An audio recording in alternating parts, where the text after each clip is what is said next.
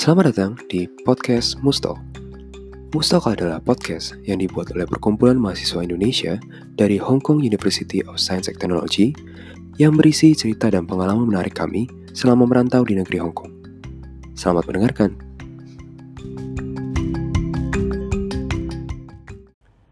Hai guys, welcome back to Mustok. Nah, di episode ketiga kita kali ini, kita kedatangan tamu yang kalian udah nanti-nantiin banget loh. Boleh perkenalin diri dulu nggak?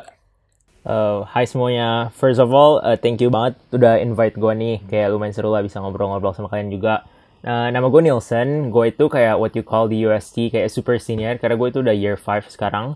Jadi uh, gue itu uh, dual degree student di Chemical Engineering sama General Business Management.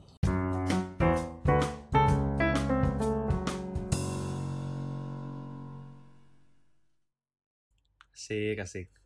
Tapi Neil, asli, susah banget sih nyari jadwal buat lu. Emang orang sibuk kayak gini kali ya. Ngomong-ngomong, emangnya lu lagi sibuk apain aja sih? Enggak lah, karena kan kayak uh, with school juga udah mau starting gitu, kayak yaudah udah lumayan prepare-prepare lah, udah kayak sibuk-sibuk kayak school stuff. Habis itu gue juga sekarang tuh lagi kayak part-time intern gitu di uh, part-time intern gitu di company lama gue juga uh, BSF sama gue kayak lagi bikin bisnis kecil-kecilan aja gitu lah supaya bisa ngisi waktu aja gitu. Nah, ini pas nih. Semua orang penasaran nih sama ini nih. Semua orang nih emang lagi bikin their own mini startup kan? Dan lu ada alasan tersendiri nggak boleh kayak perkenalin itu startup apa dan juga kenapa lu bisa mulai itu?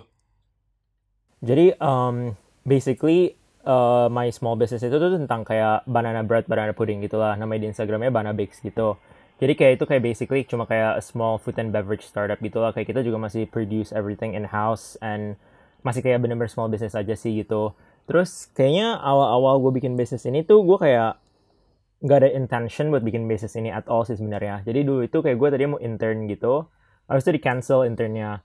Habis itu kayak apply intern baru juga kayak udah telat gitu kan, itu kayak di cancelnya lumayan last minute gitu. Jadi ya udahlah, gue kayak coba-coba aja bikin kayak small business gitu, kayak kayak gue merasa kayak corporate work itu kayak gue bisa mungkin intern in the future juga akan kerja corporate work. Jadi kayak kapan lagi gue bisa kayak belajar kayak bikin bisnis sendiri gitulah. Awal-awal purely motifnya itu bukan kayak financial motive gitu. Jadi sekarang tapi kayak ya lumayan jalan lah, bersyukur dan kayak lumayan learn a lot sih dari uh, startup kecil gini. Hmm.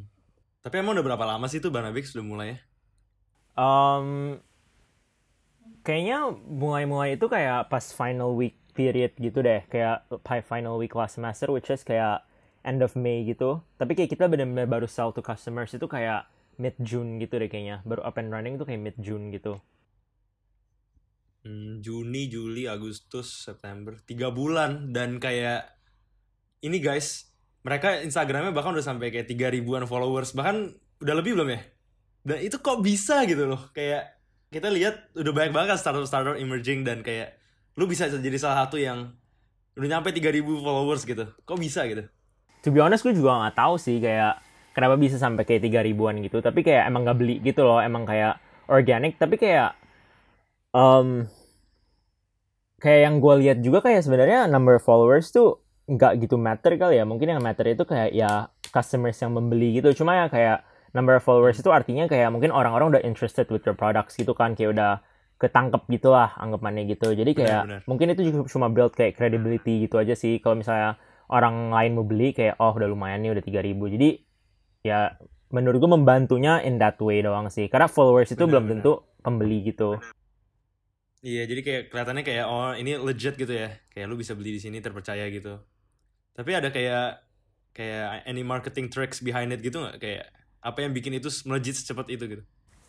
To be honest kayaknya ini kayak dulu pas di UST gue kayak lumayan meremehkan kayak marketing courses gitu-gitu. Karena gue pikir kayak alah belajar sendiri atau apa. Tapi kayak sebenarnya iya makanya kan jadi kayaknya tuh menurut gue paling tuh marketing tuh sebenarnya kayak justru paling penting di di kayak bikin bisnis bisnis kecil ginian sih. Karena kayak kayak to Bener. say kayak I have the best banana bread ya itu mungkin itu nggak fair. Pasti mungkin aja ada other people yang kayak banana bread itu lebih enak. Atau karena kan gue nggak pernah tahu dan gue nggak pernah coba juga kan yang lain juga. I mean nggak pernah coba semua. Jadi kayak menurut gue kayak marketing itu penting untuk kayak benar-benar kayak let you kayak hit the right target market gitu loh. Kayak benar-benar cara tahu gimana caranya appeal to the target market sih? Karena kalau misalnya produk udah enak dan kayak branding udah bagus tapi kalau lu salah market itu kayak sama aja lu bakal miss completely like the whole point gitu. Jadi menurut gue marketing itu penting banget buat lu kayak tahu gimana sih cara lu reach your target market. Kayak mereka tuh kayak cara pikirnya gimana mereka itu kayak purchasing behaviornya tuh gimana. Jadi menurut gue itu kayak cuma skills yang kayak bisa diituin dari marketing doang sih Jadi lu tuh kayak em, lewat Insta doang kah atau lewat Facebook, lewat cara lain? Uh, gue purely itu cuma lewat Insta doang sih kayak cuma kayak Insta Oh ya? lah atau nggak word of mouth gitu-gitu word of mouth menurut gue Hmm. paling penting sih karena kayak bener-bener ke orang repeat customers tuh dia juga bisa kasih ke temennya lah ntar temennya pesen lah dan itu lumayan lumayan membantu lah gitu Terus dengar-dengar ada sesuatu yang berhubungan sama Giring Niji nih. Boleh cerita nggak sesuatu tentang itu? Jadi basically waktu itu cuma ada customer kita gitu dan kita kayak nggak tahu dia siapa gitu kan awalnya. Nah dia udah pesen tuh. Nah habis dia pesen itu kayak kita tanya kan mau pesan atas nama siapa nih? Kayak dia mau kasih orang. Terus dia bilang kayak giring namanya dan kita kayak belum kayak nggak ngeh sama sekali dong kayak karena pikir ada ya nama orang namanya giring lah segala macam gitu. Nah abis itu tiba-tiba kayak malamnya itu kayak ada orang yang kayak tag kita gitu dan pas kita lihat kayak hah ini followersnya banyak amat dari yang tag kita terus baru kita nyadar lah oh shit itu kayak ternyata tuh giring Niji Pan kita nggak endorse sama sekali cuma ya kayak karena our customer ini kayak dia benar-benar kenal si giring Niji dan akhirnya si ya si giring Niji bisa coba gitu lah dan lumayan Tapi itu berarti kayak ada kayak pembeliannya naik banget gitu nggak setelah kayak yang Giring Niji itu? Atau kayak ya udah aja? Ada kayak emang udah perubahan banget pesat gitu? gue bukannya mau kayak menjelekkan influencer atau apa ya tapi kayak kalau realistically speaking itu kayak karena waktu itu gue juga bareng Instagram Ads juga kan. Jadi kita nggak tahu kayak orang-orang yang tanya setelah itu itu karena Instagram Ads kita atau karena emang itu si Giring Ninja habis endorse gitu. Tapi kayak even kayak even kalau misalnya itu nggak ngefek sama sekali tapi I feel kayak itu bakal build credibility aja sih. Kayak kalau lu tuh bukan kayak produk yang asal-asalan gitu loh. Kalau lu tuh juga kayak emang produk jelas dan udah dicoba sampai kayak orang yang sepengaruh kayak Giring Niji gitu. Giring Niji mau jadi presiden loh 2024 Eh, semuanya dukung Giring Niji ya. Biar Banabex makin wah 100 ribu, 200 ribu lah. amin Tapi kalau misalkan kita lihat lah ya masih makin lama kan pasti makin di-recognize lah ya sama orang ya Banabix. Kayak makin lama makin ada challenge nggak ya? Apalagi kan emang lu uh, start with uh, as a home industry gitu kan. Kayak ada challenge jadi kayak overload kah atau apakah? Kayak overload itu kayak I feel kayak challenge yang kayak kita lumayan face kayak on a daily basis gitu. Karena kita to be honest banget kita nggak hire anyone gitu from the outside. Ini basically cuma kayak small family business gitu. Jadi kayak sometimes overload emang ada apalagi kalau weekend lah atau kalau ada hari eh, libur gitu lah. Kayak itu lumayan kayak harus handle everything sendiri gitu loh. Jadi kayak dari awalnya banget dari lu bikin Instagram feednya terus sampai um, orang-orang kayak chat gitu minta price list lah mau order segala macam sampai lu bikin terus lu pack sendiri terus lu pesen gojeknya sendiri terus lu kayak follow up customernya kayak kak udah sampai kan ya? Gimana? Bla bla blanya gitu gitu itu kayak lumayan semuanya sendiri. Jadi kita lumayan kadang tuh overloaded nih kayak in that sense gitu sih. Kalau masalah production itu kayak sebenarnya kita bisa handle kayak untuk sekarang kita masih bisa handle. Tapi kalau misalnya di combine kayak from start to finish itu lumayan merasa overloadnya sih karena kayak kita benar-benar kayak Monday sampai Sunday lagi terus kayak Mhm. jadinya lumayan berasa lah kalau di overallin gitu Oh, Oke oke paham. Tapi kalau soal um, produksinya atau dari kayak lu gather all the ingredients gitu, ada alasan-alasan khusus nggak kayak kenapa pilih those, those ingredients? Apalagi kayak lu kan ambil this market segment buat orang-orang yang kayak oh ngelihat coklatnya dari sisi coklatnya, which is lu pakai Godiva chocolate kan? Ada kayak ada sesuatu yang spesial yang kayak emang lu intend to do gitu nggak dengan kayak the Godiva chocolate? kayak to be honest ini ini aja tuh even kayak happy accident juga kayak awal-awalnya dulu kayak waktu banana bread masih hype gitu kita kayak coba-coba nah tapi kita kayak nggak ada coklat di rumah terus kayak ya udah kayak yang ada itu cuma Godiva yang 72% dan itu tuh kayak kita emang nggak bakal makan punya gitu loh karena itu terlalu pahit gitu dan kita pikir jadi yaudahlah coba aja lah masukin ke banana Mhm. bread gitu terus ternyata hasil hasilnya tuh jauh lebih enak daripada kayak pakai coklat biasa aja gitu loh karena kayak ini ada pahit-pahitnya dan kayak flavornya tuh lebih blends really well gitu jadi kayak in the end kita decide untuk tetap pakai ini gitu loh dan kayak I think that's the beauty of banana bread juga sih kayak literally kayak lu bisa taruh Hmm. anything dan it will still taste good gitu. Hmm. Oh jadi cara ngomongnya Godiva ya? sorry sorry orang Indo nih orang Indo. Godiva Godiva. Yaudah, pokoknya follow aja banabix.id kan ya? Betul, betul, betul. Kayak dilihat-lihat aja. Kalau cocok, tanya-tanya kita. Eh, sik. ada varian juga varian lain juga kan selain banana bread. Ada apa aja sih, Nil? Uh, jadi kita juga jual banana pudding, tapi banana pudding kita tuh kayak uh, emang kayak dulu main cepet sold out kayak gitu. Jadi kayak emang gak ready everyday gitu. Terus kita juga jual kayak um, kayak ubi cheese loaf gitu, kayak pakai ubi, terus pakai cheese, terus pakai coconut segala macam. Sama pasti kita juga plan to release kayak new flavors in the future sih. Kayak supaya nggak gitu-gitu aja terus. Mantap mantap. Ditunggu lagi kesuksesannya Banabix amin amin.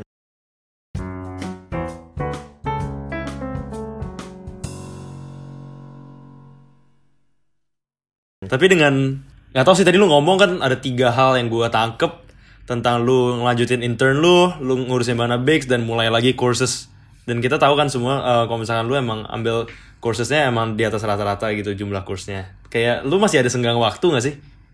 Kayak menurut gua kayak free time itu kayak lu pasti ada sibuk apa pun lu kalau misal lu emang prioritize free time itu lu pasti kayak bakal ada free time sih. Mau sibuk lu apa pun, mau sebanyak courses lu apa pun, mau sebanyak kerja lu segimanapun kayak pasti lu bakal ada free hmm. time hmm. tapi tergantung priorities lu aja gitu sih kalau gua kayak liatnya itu Bener. kayak free time itu lumayan penting loh. Kayak lu cuma chill nonton YouTube atau do nothing itu tuh lumayan penting. Jadi kayak itu lumayan kayak take a break gitu lah. Jadi kayak even though kayak gue udah lumayan sibuk with all these stuff tapi kayak gue still kayak prioritize free time juga sih. Kayak pergi sama temen lah atau kayak mm-hmm. ngapain gitu. Karena menurut gue itu juga penting gitu loh. Nah tapi kalau soal kayak kemarin summer kan kita anggapannya summer holiday lah ya. Tapi lu ada gak sih kayak traveling gitu? Apalagi yang kemarin kan emang lagi pandemic kayak kita semua tahu kalau misalkan lu kan traveling udah ke mana-mana. Kayak lu emang enjoy banget traveling. Um, US lah Europe lah gitu-gitu. Kayak untuk yang kemarin gimana? Gua nggak berani traveling sama sekali sih karena jujur aja kayak dari February sampai kayak bulan Mei awal gitu atau Mei akhir itu juga nggak keluar rumah at all loh. Even nggak keluar kayak pagar rumah gue oh, gitu, supermarket nggak ke nggak ke anywhere gitu. Terus akhir-akhir kayak gue lebih beraniin aja untuk pergi asalkan kayak emang ngerti aja dan kayak social distancing lah terus nggak ke tempat-tempat rame lah kayak baru berani pergi gitu aja sih tapi emang ya yeah, that's a sad reality tapi ya mau gimana gitu hmm.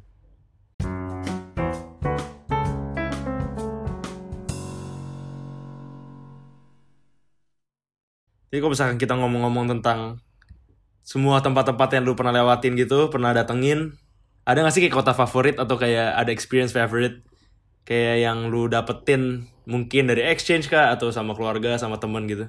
Jelas Hong Kong dong. Kan bisa ketemu musti-musti people gitu. Asik. Alah bisa aja. Tapi Hong Kong ya lumayan memorable lah. Kayak Hong Kong tuh kayak emang lama-lama kayak lu udah tinggal di Hong Kong 4 years itu kayak feels like home juga lah.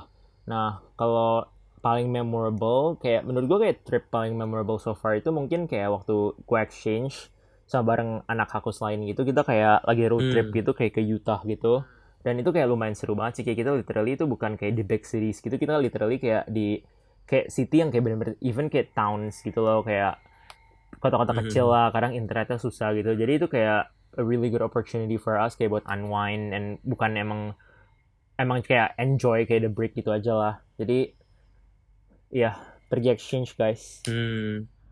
lu di itu kan California kan tapi lu muter-muter ke sana kemari gitu. Iya. Wah.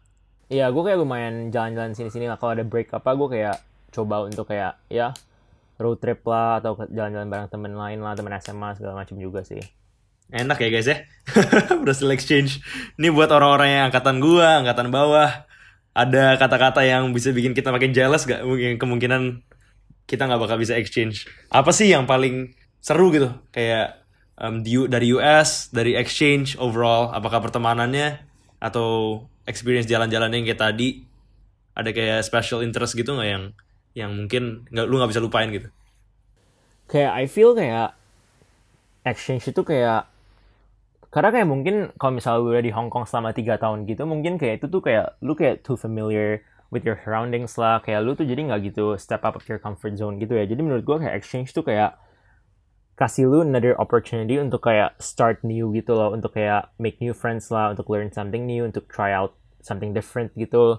Jadi menurut gue tuh exchange itu tuh kayak kayak hmm. emang kalau lu pikir kayak in one perspective kayak ah sama aja kan gue dari Indo gue juga udah kuliah di Hong Kong ngapain gue exchange lagi? gitu. Tapi kayak menurut gue tuh beda gitu karena kayak kalau misalnya lu udah kayak stay kayak tiga tahun gitu di Hong Kong kayak lu pasti feel kayak gimana ya lu pasti feel kayak bakal udah too familiar kayak too stagnant gitu lah terus I'm not gonna lie juga kayak emang exchange kayak lumayan one of the motives itu ya supaya bisa jalan-jalan lah supaya pass or fail apalagi terus Mhm. belajarnya emang kayak ya minim aja gitu kan secukupnya Mhm. tapi kayak emang Hmm. exchange tuh fun lah dan kayak lu bener-bener bisa ini mungkin bullshit ya ini kayak kayak kata-kata dari life coach atau atau apa tapi kayak you beneran kayak bisa discover yourself juga sih kayak find out what you really like lah terus kayak bisa jadi lebih independent juga. And ya yeah, stuff like that sih. Kayak lu harus experience sendiri sih untuk bisa tahu gitu kayak exchange tuh kayak gimana. Kayak menurut gue itu kayak highlight of my university year sih so far. Hmm.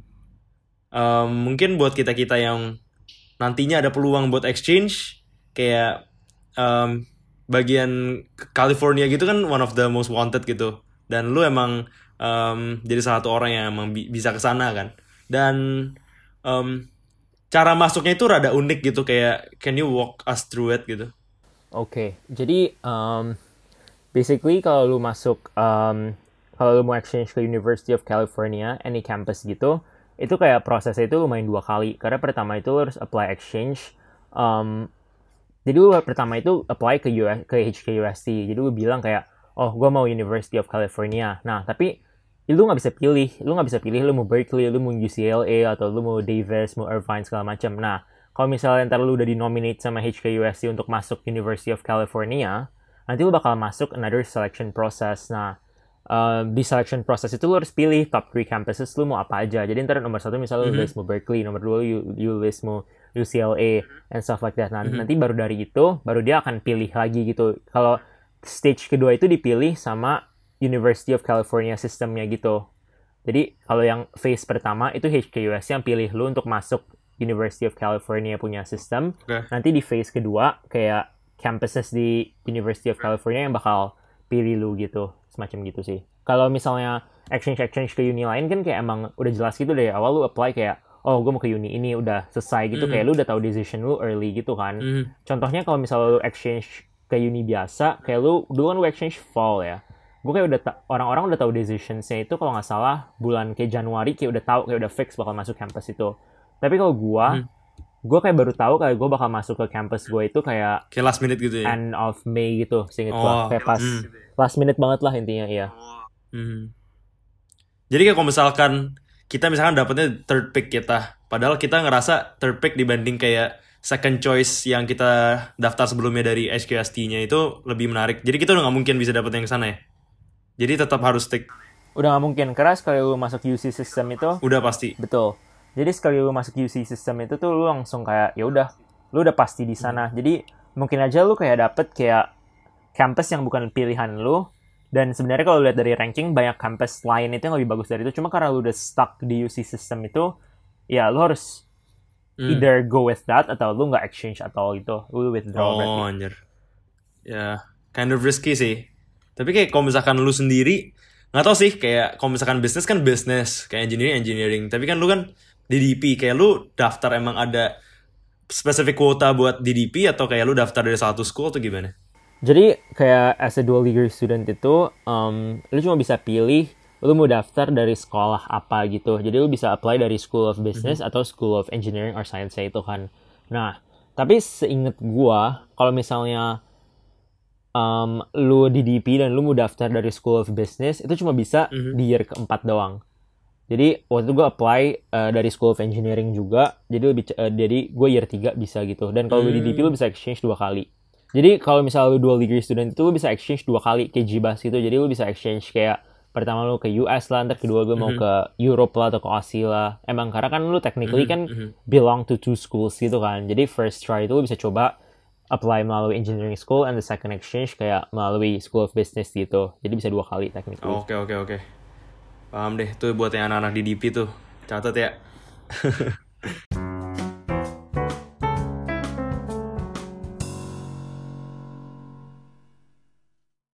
Kalau misalkan soal di aku sendiri kayak lu ngerasa kan lu em, kayak having the time of your life lah yang di US lah tapi kalau di Akus itu kan ya lu kan ambil kayak coursesnya um, kayak most certainly udah di atas 21 gitu kadang 27 24 gitu gitu kayak tips belajar dong karena kita yang 15 kredit ya 18 kredit aja kayak udah struggling gitu ada tips belajar gitu nggak ya Hmm, kayaknya menurut gue gue bukan the right person untuk ask kayak buat tips belajar deh. Karena kalau if you know me kayak ya you'll know that kayak gue bukan orang yang kayak attend classes, gue bukan orang yang kayak catat notes atau apa. Tapi menurut gue itu kayak lu kayak emang harus udah tahu priorities lu aja gitu loh. Kalau misalnya dari awal itu gue kayak emang Mhm.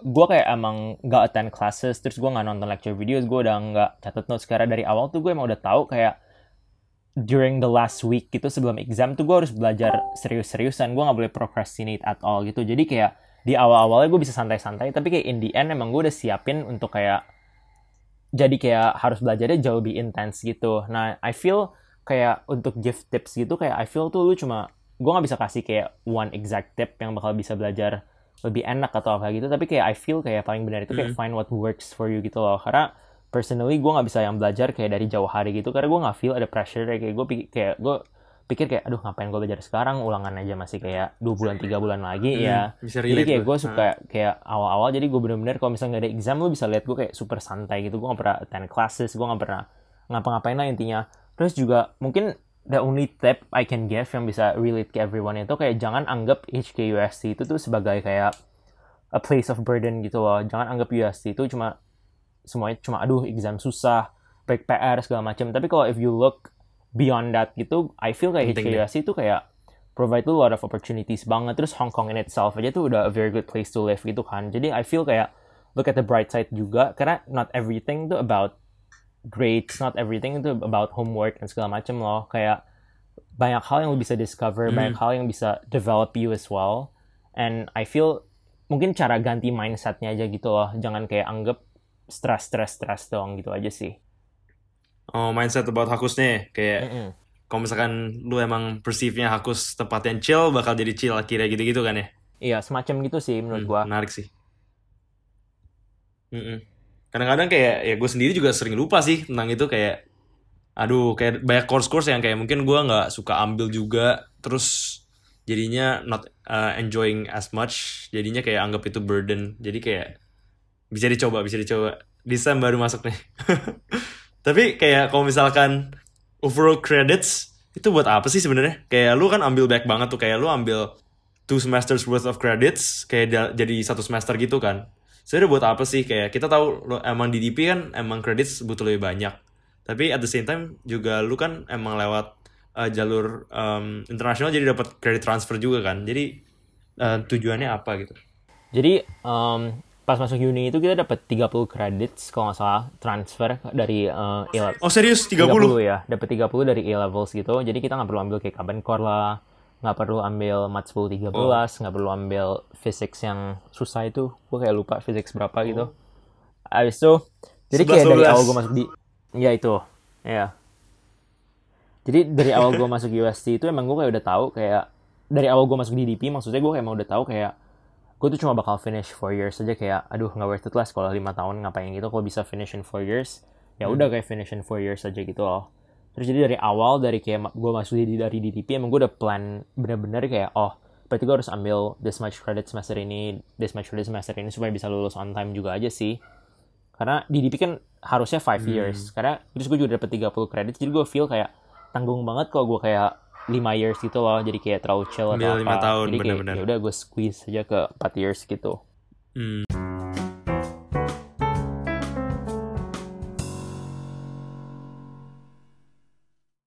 Nah kalau ngomong-ngomong soal DDP kan emang ya kredit lebih banyak lah. Tapi kayak di antara kan lu um, harus split focus between kayak um, the two majors kan kayak engineering side sama business side. Kalau misalkan lu bentar lagi nih lu uh, lulus nih kayak lu udah tahu lu bakal kerja di industri apa nggak kayak ke bidang apa gitu. kayak for sure gue kayak bakal pilih um, business world gitu sih kayak gue emang kayak nothing wrong with chemical engineering tapi emang itu bukan kayak passion gue gitu. And gue kayak nggak see myself working kayak di pabrik lah atau kayak solving chemical equations and stuff like that. Jadi kayak emang gue kayak definitely bakal pilih kayak jobs yang business gitu. Emang I think that's also the reason kayak kenapa gue pick DDP gitu. Karena awal itu gue chemical engineering terus gue jadi DDP karena gue kayak pikir kayak gue mau kayak ganti Mhm. Jalur karir gitulah if that makes sense untuk kayak bisa nggak cuma chemical Hmm. engineering doang gitulah karena emang dari awal gue kayak udah nadar kayak Hmm. oh it's not for me gitu Jadi kalau misalkan lu uh, take a look back kayak um, ke masa-masa freshman atau masa-masa daftar gitu kayak lu lihat lagi sekarang worth it nggak sih di DP dan kayak um, at least apakah ada pembelajaran dari chemical engineering yang lu ngerasa oh berharga untuk future gue gitu. I think mungkin dari awal mungkin yang paling striking itu ya mungkin the reputation and prestige kali ya. Kayak even though kayak gue nggak bakal pakai my chemical engineering knowledge in the future tapi mungkin itu gives me like an advantage itu loh. Kayak oh I have like a chemical engineering degree and segala macam gitu. Uh, dan kalau misalnya in the end emang gue masuk chemical engineering degree mungkin itu juga gives me an advantage. Karena kayak mereka bakal pikir oh I have like a business degree gitu. Jadi kayak itu lumayan plus point lah Mhm. dari kayak namanya aja gitu. Tapi kalau in terms of cara in terms of belajar in terms of courses gitu I feel kayak ya emang pasti lu belajar lebih banyak lah karena emang lu emang harus ambil more courses gitu kan and mungkin gue kayak nggak gitu feel kayak perbedaan kayak atau improvement dari gue sendiri tapi mungkin aja subconsciously atau tanpa gue nyadar itu udah ganti cara pikir gue atau itu udah ganti cara how I look uh, how I look at things gitu kayak gue personally. Nggak gitu nyadar sih kayak itu tapi mungkin itu sih ini kayak jawaban-jawaban interview banget sih kayak paling jawabnya kayak bullshit gini Ini anggapannya kayak Iya. interview aja.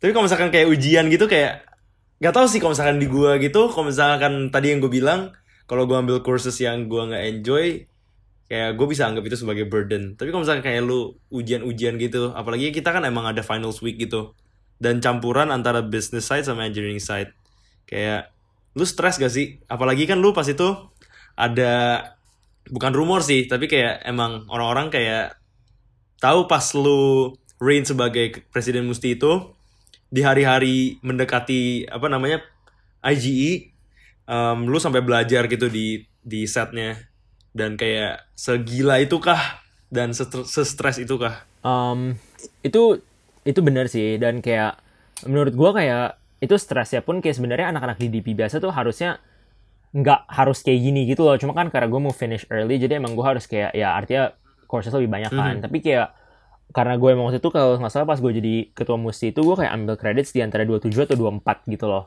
Terus ada IGE segala macam. Jadi kayak itu gue harus benar-benar bagi waktu gitu sih. Waktu itu kayak kita lagi kayak set-set dekor gitu kayak lagi bikin-bikin booth segala macam itu gue kayak belajar yang lain kayak kerjain gitu and I also have to I also have to give credits kayak ke tim gue sih itu kayak dulu kayak mesti uh, pengurus-pengurus musti itu kayak emang kita udah deket juga dan kita kayak emang work work really well Hmm. together gitu lah jadi saling mengerti lah gitu jadi kalau misalnya Angkatan emas ya, angkatan emas. Iya. iya.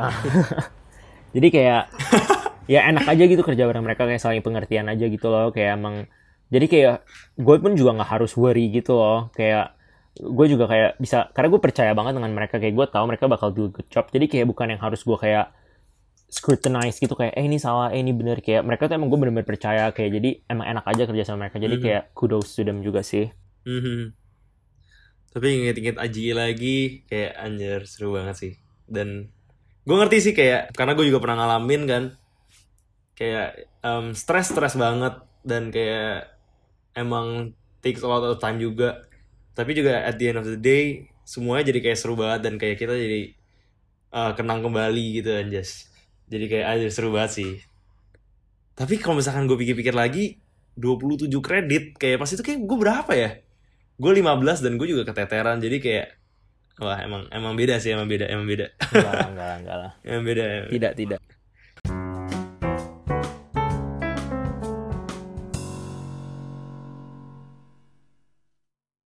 mumpung udah masuk musti juga nih bahasan musti emang kayak em, musti itu sesuai dengan yang lu harapin gak sih pas lu daftar Um, good question sih. Karena awal pas masuk Musti kayaknya gua nggak really ada bayangan Musti bakal kayak gimana dan gua nggak expect anything gitu loh. Terus kan ada form Musti gitu kan yang kita harus isi kan. kayaknya itu yang isi kayak gue tuh cuma kayak bilang kayak Hmm. oh mau learn organizational skills lah mau kayak meet new friends lah mau serve Indo community lah segala macam. Tapi kayak to be honest mungkin itu gue cuma mau kayak as a freshman in university kayak try out something new aja gitu loh. Kayak mau coba-coba. Kayak mungkin mau kayak belong kayak part a part mu- belong to like a, uh, like one organization gitu aja gak sih? Jadi kayak terus dulu gue emang juga kayak suka berorganisasi. Dulu gue osis juga pas kayak um, high school. Jadi gue pengen coba-coba aja gitu sih. And kayak itu lumayan kayak one of the best decisions Hmm. yang kayak gue bikin di HKUSC sih karena mesti itu kayak really give me an avenue to kayak try out a lot of things sama kayak give me like very uh, uh, give me kayak lumayan banyak lah learning opportunities gitulah dari Musti Plus naikin CV juga ya. lumayan ya Lumayan jadi presiden gak sih? Oke banget. Tapi kayak gak tahu sih kayak angkatan gua, angkatan atas kayak emang ya role modelnya emang angkatan lu gitu kan. Emang kayak selalu dibilang angkatan yang klop banget yang kayak emang kalau emang harus diturunin mesti dan harus emang harus diturunin gitu. Emang harus take look back ke angkatan kalian dan kayak kita terusin apa yang kalian udah terusin gitu. Tapi em, selama lu jadi presiden itu kayak ada gak sih yang lu usahain untuk buat atau lu ubah dari yang sebelumnya jadi yang baru atau kayak lu establish sesuatu di Musti gitu yang lu pengen terusin sampai years to come gitu. Jadi kayak I don't think we actually changed or created something new per se tapi kayaknya kita try to put our own spin into events gitu ya. Karena I feel juga dari awal tuh kita pikir kayak IG udah berapa tahun lah kayak aduh atau tahun depan nggak mau ada IG mau ganti apa. Tapi kayak lama-lama kita juga realize kayak tradition untuk IGE dan untuk events-event yang selama ini kita lakuin tuh itu kayak make sense and serves a purpose gitu loh. Bukan cuma untuk kill time kayak contohnya orientation. Itu untuk ya kenalin murid-murid baru. Terus kita ada acara uh, kayak di tengah semester. Ya itu untuk kayak unwind and distress gitu aja sih untuk kayak get together with the Indo community segala macem. Jadi kayak uh, I feel kayak sampai yang dulu kita lakuin itu tuh bukan kayak create something totally new tapi kayak kita tuh cuma try to put our own spin into it gitu aja loh kayak misalnya di IGE kita coba tambahin apa kita coba tambahin ini atau apa supaya kayak feels different walaupun the essence itu tuh masih sama gitu loh masih IGE which which purpose itu tuh masih untuk kayak ya kayak introduce Indonesia Mhm. aja kayak ke international community-nya aja sih gitu Mhm. Dan untuk yang sekarang IG gak ada gimana nih perasaannya? Um, ya lumayan sedih sih kayak last year dan gak ada IGE juga. Padahal IGE itu kayak lumayan kayak one of the biggest events kayak yang semua Indo pasti expect lah tiap tahun kayak good Mhm, good food lah, ada performance lah. Jadinya kayak ya lumayan sedih lah. And ya, Berarti itu hand buat lu apa Q buat lu extend another year dah. aduh nggak bisa, Kayak lu emang harus nunggu setahun tambah dah. aduh nggak bisa sih. Udah terlalu lama di USC. Kalau nambah setahun lagi kita kita bikin IG beneran. Udah terlalu lama di USC. Ya, tapi em, belakangan kayak ya karena online kan emang pas itu jadi kayak susah banget buat kayak em, bikin IG yang emang dari awal punya image-nya segede itu. Tapi kayak em, emang effort yang belakangan kita bikin buat shoot online aja sih kayak contohnya ini podcast kayak ini nggak bakal terjadi sih tanpa ada yang online dan kayak em, mesti punya cerita yang kayak tempat bercakap dan juga ada zoom yang lewat eh apa bape lewat zoom gitu-gitu sih. Jadi kayak ya mungkin cara kita untuk adapt sih ke tempat sekarang. Ya. Ya I think semoga aja I think itu lumayan. suits your preference lah. Emang bagus lah itu emang harus. Kalian emang harus juga try to make kayak situation ini ya kayak kayak kayak gimana cara kalian make use of the situation dan kayak create something new lah. Kayak menurut gue juga itu kalian kreatif juga lah. Kayak kalian bisa use kayak home time kita dan use technology untuk bikin kayak mustok lah untuk bikin kayak podcast lah atau apa. Mhm. dan itu very interesting sih. Kayak dulu pas kita musi aja kita kayak nggak kepikiran untuk bikin gituan sama sekali sama sekali loh. Jadi I feel kayak isolation ini tuh juga udah teach kita untuk kayak become more creative aja gitu loh. And I think even setelah corona ini selesai menurut gue kayak ide kayak mustok lah atau yang cerita-cerita atau kayak apa gitu itu kayak boleh banget dilanjutin gitu loh kayak jadinya terusin aja ya bener terusin karena Hmm. kayak social media tuh sekarang jadi kayak udah such a huge platform dan I think kayak emang udah emang lu udah emang udah harus kayak enter that sphere aja sih Mhm. ya moga aja apa pun yang kita lewatin kelar sih pandemi gue capek juga belajar di Jakarta dah pengen pengen ke Hongkong juga dan moga aja nih moga aja kayak walaupun uh, gue semester depan udah bukan pengurus lagi ya moga aja ada IG lah dan ya tambah satu semester sih gue bilang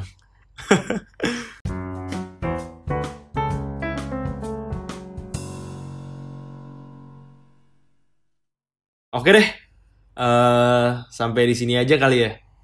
Obrolan kita sampai sini dulu.